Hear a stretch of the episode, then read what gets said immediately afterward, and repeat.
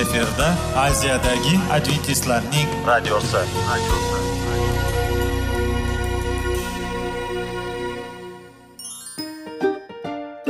Assalomu alaykum aziz radio tinglovchilar.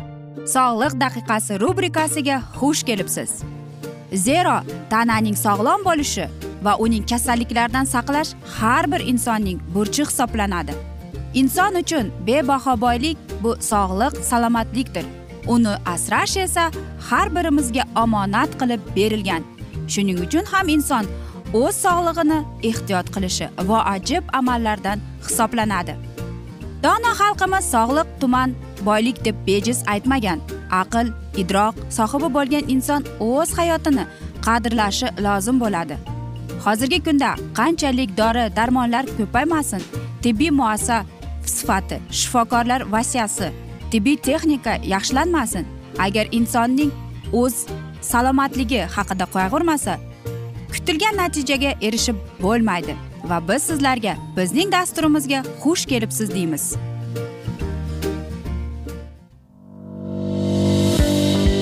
Sog'liq daqiqasi soliqning kaliti qiziqarli ma'lumotlar faktlar. Har kuni siz uchun foydali maslahatlar. Sog'liq daqiqasi rubrikasi Vegas.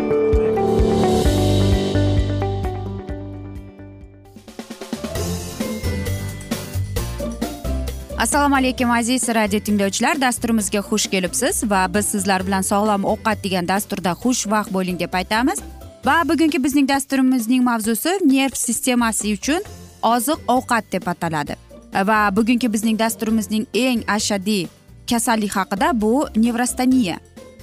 Xo'sh nevrostaniya bu qanday kasallik? E, bu astenik nevroz asab toliqishi asab ojizligi nerv tizimining uzoq vaqt o'ta toliqishi ya'ni ruhiy iztirob natijasida kelib chiqadigan kasallik.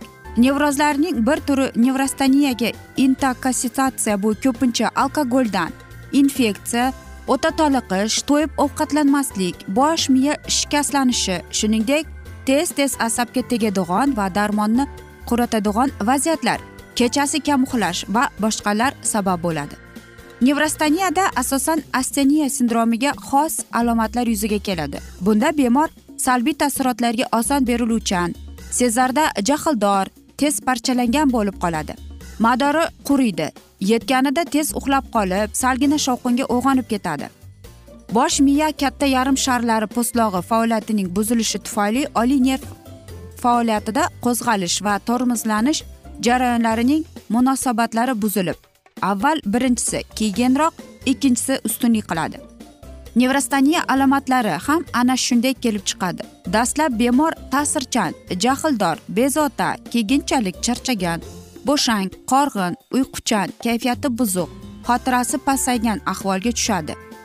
Hissiyot ojizligi sezgirlarning oshishi teri sezuvchanligining og'riqlik darajaga ortishi betoqatlik shu vaqtning o'zida ruhiy va jismoniy toliqish diqqat va xotiraning pasayishi kuzatiladi. Nevrostaniyaga xos alomatlardan biri uyquning buzilishi va tez tez bosh og'rib turishdir. Uyqu juda yuzaki bo'lib aksariyat hollarda beto'xtov davom etadi. Tush e, ko'rish bilan kechadi kechasi esa uyqu bosadi.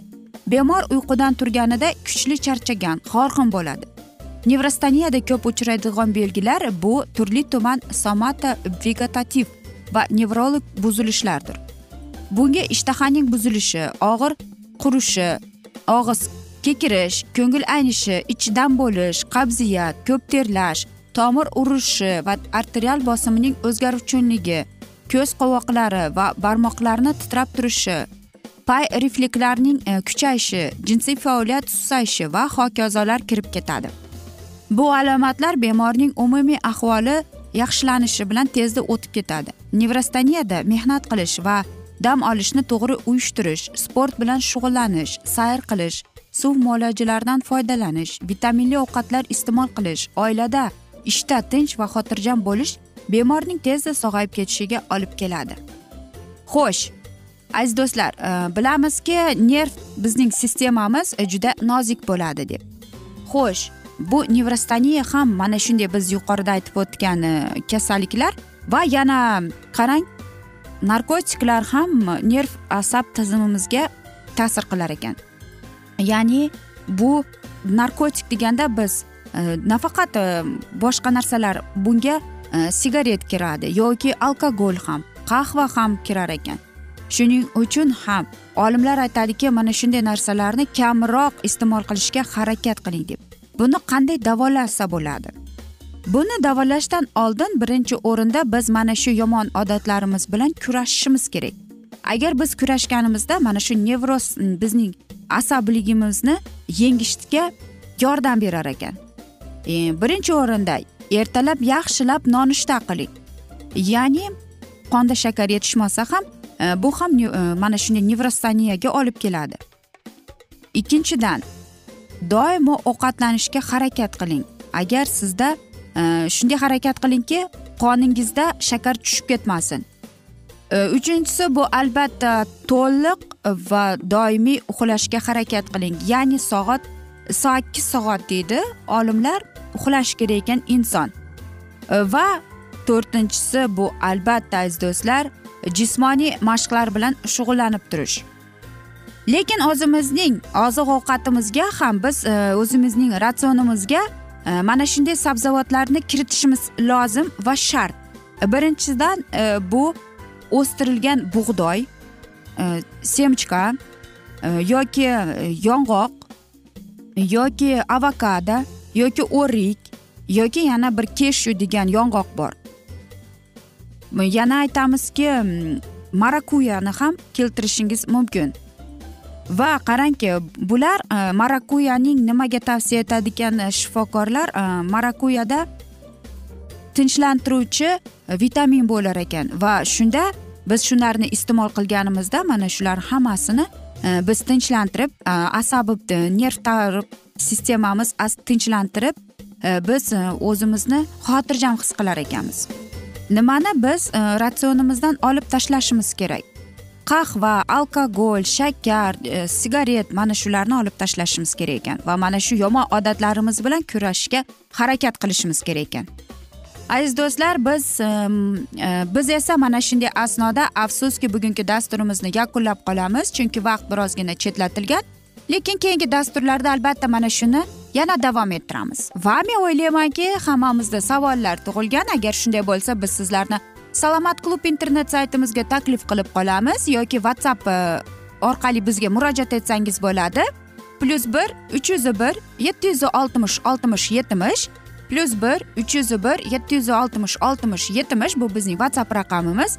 E, bizga murojaat etsangiz barcha sizni qiziqtirayotgan savollaringizga javob beramiz deb aytib qolamiz. Va men umid qilamanki bizni tark etmaysiz deb chunki oldinda bundanda qiziq va foydali dasturlar bizni kutib kelmoqda aziz do'stlar. Biz esa sizlarga va oilangizga tinchlik totuvlik sog'lik salomatlik tilab o'zingizni va yaqinlaringizni ehtiyot qiling deb xayrlashib qolamiz.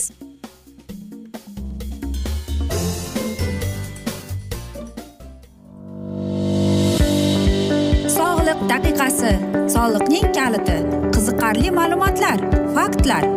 Har kuni siz uchun foydali maslahatlar. Sog'liq daqiqasi rubrikasi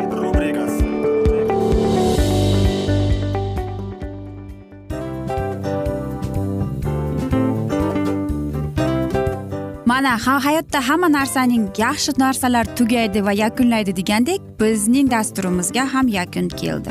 O'ylaymanki bizning dasturimiz sizga foydali bo'ldi deb aziz radio tinglovchimiz. Va siz o'zingiz uchun kerakli xulosalar kerakli maslahatlar olib oldingiz. Aziz radio tinglovchimiz biz bilan qoling va keyingi dasturlarimiz albatta undanda qiziqroq bo'ladi. Mana shu alfozda sizlar bilan xayrlashib qolaman.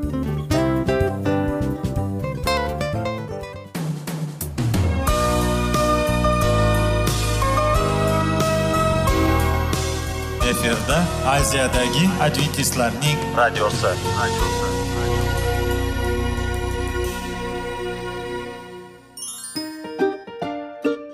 Assalomu alaykum aziz radio tinglovchilarimiz.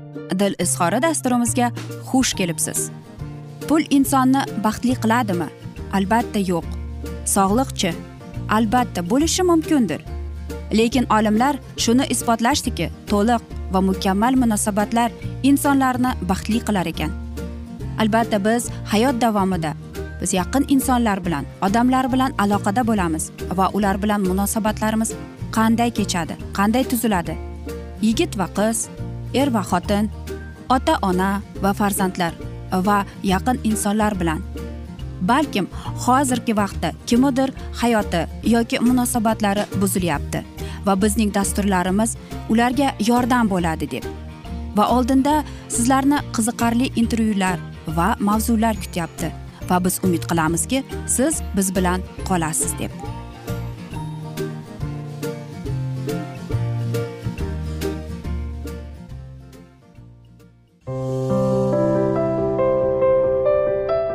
Har kuni har xil kasbdagi odamlar bilan sirlashish va bo'lishish sevgi rashq munosabat.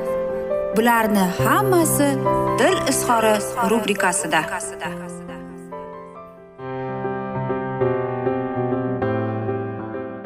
Assalomu alaykum aziz radio tinglovchilar. Dasturimizga xush kelibsiz va biz sizlar bilan izlash va ushlab qolish degan dasturda xushvaqt bo'ling deb aytamiz. Va bugungi bizning dasturimizning mavzusi bu muhabbat va uning turlari deb ataladi. Shunisi e, tasavvurlanki hozirgi kunda muhabbat qadar tushunchasiga yagona ilmiy ta'rif tasvif berilmagan. Bevosita unga bag'ishlangan ilmiy asarlar nihoyatda kam. Kishilar ongida bo'lgani kabi badiiy asarlari ham muhabbat haqidagi turlicha ko'pincha bir biriga zid fikr va ta'riflarni uchratish mumkin. Ba'zi mualliflar esa muhabbat hislarini sof ruhiyat komponenti sifatida bayon etib undagi fiziologik komponentni inkor etadilar. Fiziologik komponent hayvonlarga xos bo'lgan organik ehtiyojlarni qondirishdan iborat instinktning ifodalanishi sifatida idrok etiladi. Shu sababli ham ular e, odam hayvoniy hirsdan jinsiy intilishlardan ozod bo'lishi kerak deb hisoblashadi va muhabbat hislariga bir yoqlama yondashishadi. Klassik asarlarda jumladan qadimgi hind traktitida muhabbatga bir muncha to'liq ta'rif beriladi. Aql mayli hurmatni tug'dirsa qalb mayli do'stlikni tana mayli xohishni tug'diradi. Qalb aql va tana bir bo'lib sevgi muhabbatni to'ldiradi deydi. Volter shunday degan sevgi muhabbat bu ham qalb ham aql va tanaga bir vaqtning o'zida hujum qilinadigan eng kuchli zavqli his tuyg'u ulardan biridir deb ta'rif beradi. Shu ta'riflarni o'zaro taqqoslash va ruhiy tahlil qilish sevgi muhabbatda zaruriy ruhiyat komponent bilan bir paytda fiziologik komponent ham hisoblanadi deydi qadimgi yunonlar e, sevgi muhabbatni qanday yo'nalishda ketishiga qarab ikki turga ya'ni eros va gapaga bo'lganlar. Vaholanki ular muhabbatning ikki muhim tomonidir ya'ni eros bu muhabbat obyektiga ega bo'lish uni o'ziniki qilib olishiga qaratilgan bo'lsa agape hissiyotni boshidan kechirayotgan shaxsning hissiyot obyektiga o'zini bag'ishlashdir. Ana shu hissiyot har bir odamda uchraydi. Shu hissiyotlarda qaysi biri ustunlik qilishga qarab kishidagi muhabbatni istiqbolini ham oldindan aytib berishi mumkin. Basharti agape ustunlik qilsa hissiyotning umri uzoq bo'lishi va aksincha eris ustun bo'lsa tez orada hissiy qoniqish sodir bo'lib bunday odamdagi muhabbat hislarining umri nihoyatda qisqa bo'lishi mumkinligini kuzatiladi. Sevgi muhabbat tuyg'ulari li bir necha turlariga bo'lgan ekan. Birinchisini bu eros ya'ni kuchli sevgi muhabbat hislari bo'lib bu hislar asosida yotgan motiv muhabbat obyektiga jismonan ega bo'lish bunda jinsiy intilish yetakchilik qiladi. Ludus sevgi hislarini unchalik chuqur bo'lmagan muhabbat o'yin sifatida idrok qilinadigan sevgi hislari obyekti oson almashishi mumkin bo'lgan turi. Storge tashqi ko'rinishdan kuchli ifodalanmagan ammo ishonchli muhabbat do'stlik turi. Pragma ludus va storgenlardan iborat doimo ong nazoratida bo'lgan sevgi sevgan shaxsning manfaatlarini ko'zlagan maqsadlarni asosida yuzaga kelgan sevgi hislaridir. Maniya eros va ludusdan iborat bo'lib sevgan kishi sevgi obyektidan tobeligi bilan xarakterlanadi. Ammo eros va ludusdan bu turning farqi sevgan shaxsda o'ziga ishonch hislari yetarlicha bo'lmaydi.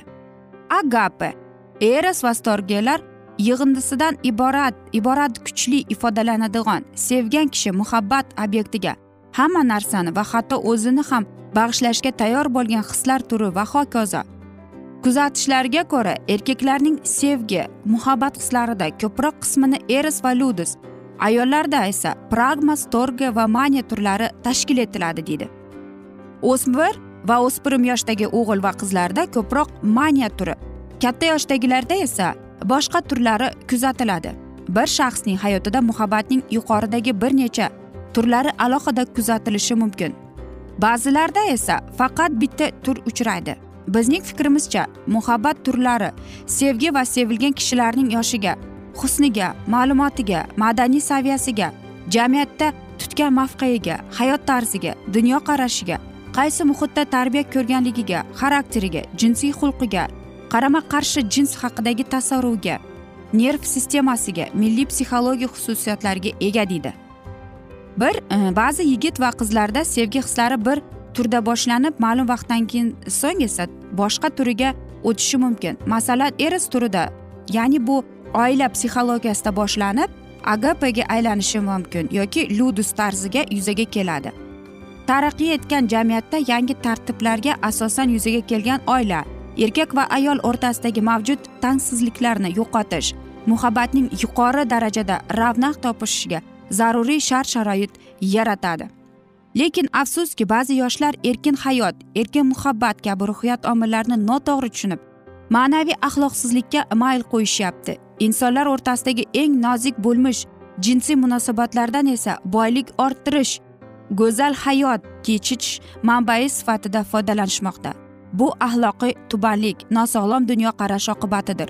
Bu hol ba'zi oilalarda ma'naviy tarbiya masalasi yutib qo'yganlarning ayrim ta'lim tarbiya muassasalarida va ularning pedagogik jamoatlarining o'z vazifalarini yetarli darajada udday ololmasligini natijasidir. Aziz do'stlar biz esa mana shunday asnoda afsuski bugungi dasturimizni yakunlab qolamiz chunki vaqt birozgina chetlatilgan. Lekin keyingi dasturlarda albatta mana shu mavzuni yana o'qib eshittiramiz va agar sizlarda savollar tug'ilgan bo'lsa biz sizlarni plyus bir uch yuz bir yetti yuz oltmish oltmish yetmish yana bir bor qaytarib o'taman plyus bir uch yuz bir yetti yuz oltmish oltmish yetmish bu bizning whatsapp raqamimiz va men umid qilamanki siz bizni tark etmaysiz deb chunki oldinda bundanda qiziq va foydali dasturlar kutib kelmoqda aziz do'stlar biz esa sizlarga va oilangizga tinchlik totuvlik tilab farovonlik tilab o'zingizni va yaqinlaringizni ehtiyot qiling deb seving seviling deb xayrlashib qolamiz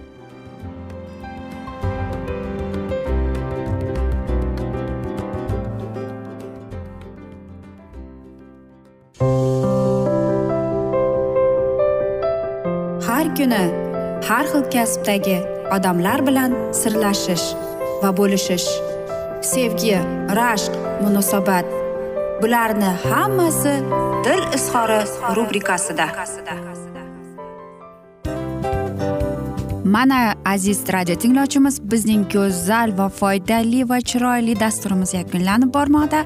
Sizlarga birozgina maslahat berib o'tmoqchi edik. Bir biringizni seving. Qadringizga yeting.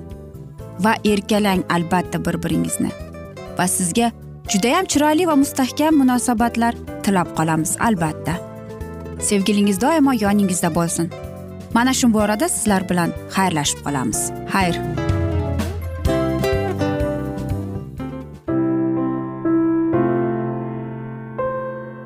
Hayotning noni.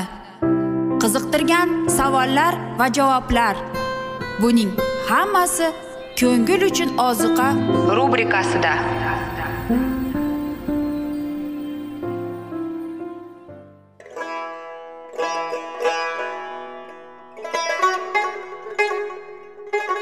Assalomu alaykum aziz radio tinglovchilarimiz. Ko'ngil uchun oziqa rubrikasida xush kelibsiz deymiz. Siz haqiqatni izlayapsizmi? Olamnimi? Umidnimi? Siz kimga murojaat qilmoqchisiz? Odamlar ko'pincha siyosat kuchiga tayanadilar. Dunyo iqtisodiyoti holati tobora chuqurlashib bormoqda. Tabiiy ofatlar va texnogen halokatlar minglab insonlarning hayotini olib ketib juda katta zarar yetkazmoqda. Sizga abadiy hayot inomini hadya qiluvchi va hayotingizni tubdan o'zgartiruvchi haqiqatni izlab toping. Xudo haqidagi haqiqat uning kalomida mujassamlashgan. Kimki bu haqiqatni butun qalbi bilan izlasa albatta unga yetishadi. Bu sevgi xudoning tarixidir. Hayotingizda yoki sizning yon atrofingizdagi olamda nimalar yuz berishidan qat'iy nazar? Siz ertagi kunga buyuk umid va ishonch hosil qilishingiz mumkin. Hozirda xudo sizga taklif qilayotgan umid ishonchga o'z qalbingizni oching va sizni qiziqtirayotgan mavzularni savollaringizga javoblaringizni topib olasiz deb umid qilamiz. Biz bilan qoling.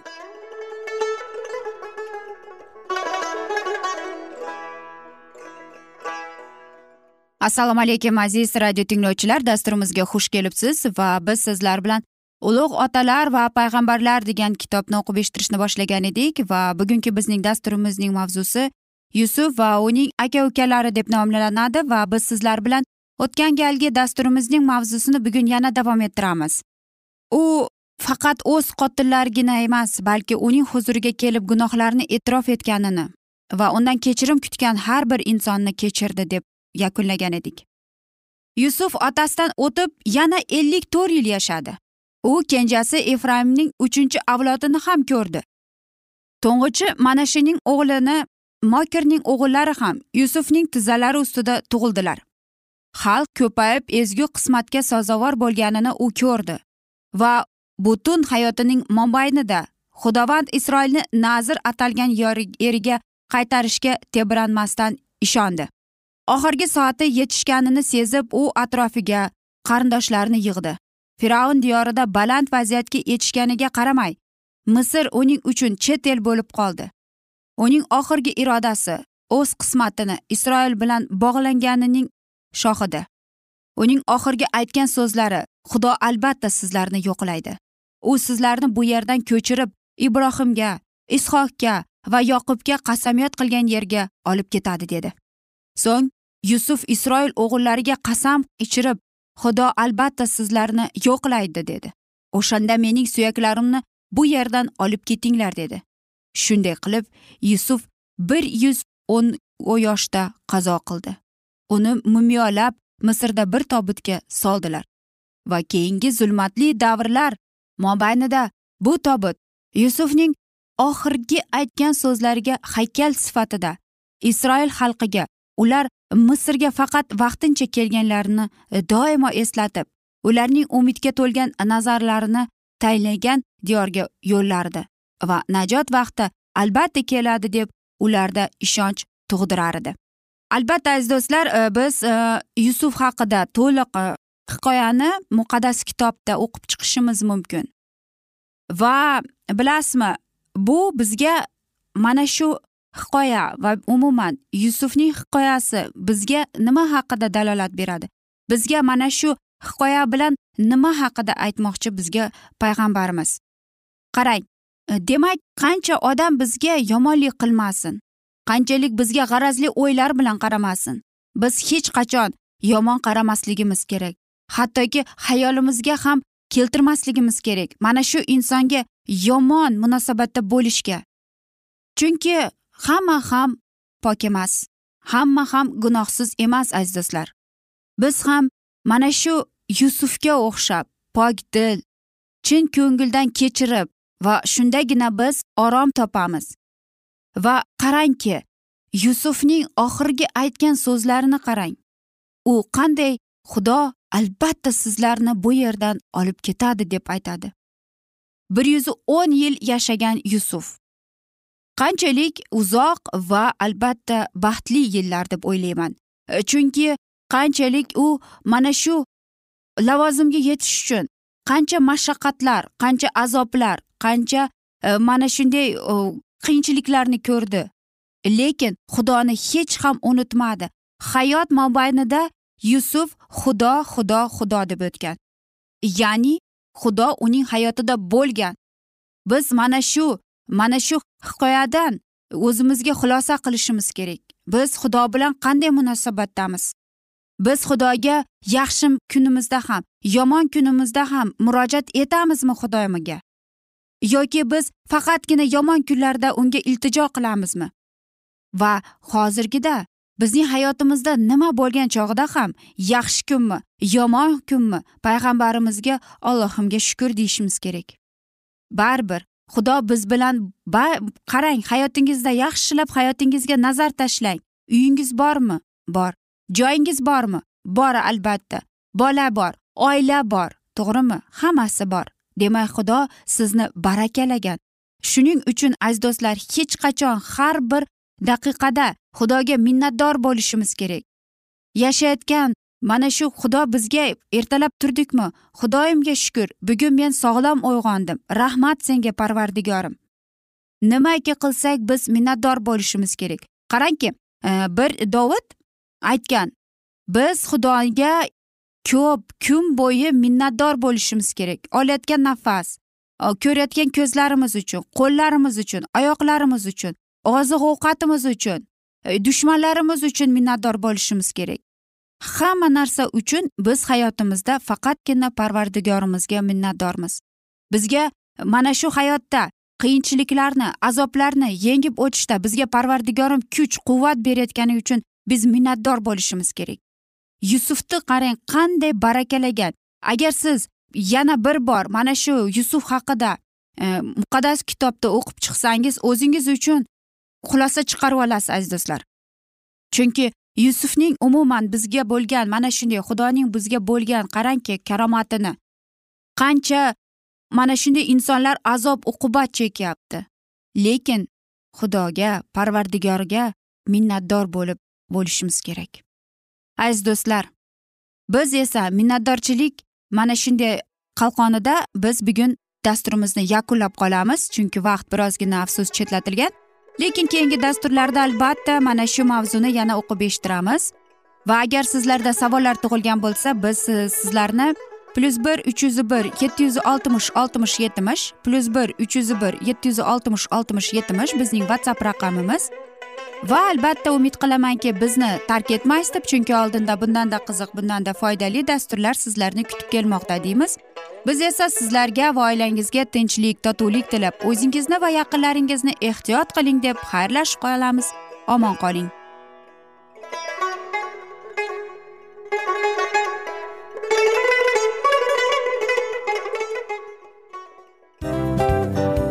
Mana aziz radio tinglovchimiz hamma yaxshi narsaning yakuni bo'ladi degandek bizning ham dasturlarimiz yakunlanib qolmoqda. Aziz do'stlar o'ylaymanki bizning dasturlarimiz sizlar uchun judayam foydali bo'ldi deb. Bizning dasturlarimizdan siz o'zingizga foydali va judayam kerakli maslahatlar oldingiz deb. Masalan sog'liq borasida. Biz sizlarga sog'liq tilaymiz albatta lekin bizning maslahatlarimizga ham amal qilishga unutmang. Munosabatlarga kelganda bu munosabatlar chuqur va yaxshi bo'lishi uchun uni ustidan ishlash kerak albatta. Diniy masalaga kelsak aziz do'stlar bu judayam jiddiy va chuqur nazarni talab qiladi. Ammo biz sizlar bilan xayrlashib qolmaymiz keyingi dasturlarda eshittirishimizni davom ettiramiz va sizlar bilan mana shu yaxshi kayfiyatda xayrlashib qolamiz. Va keyingi dasturlarda ko'rishguncha xayr!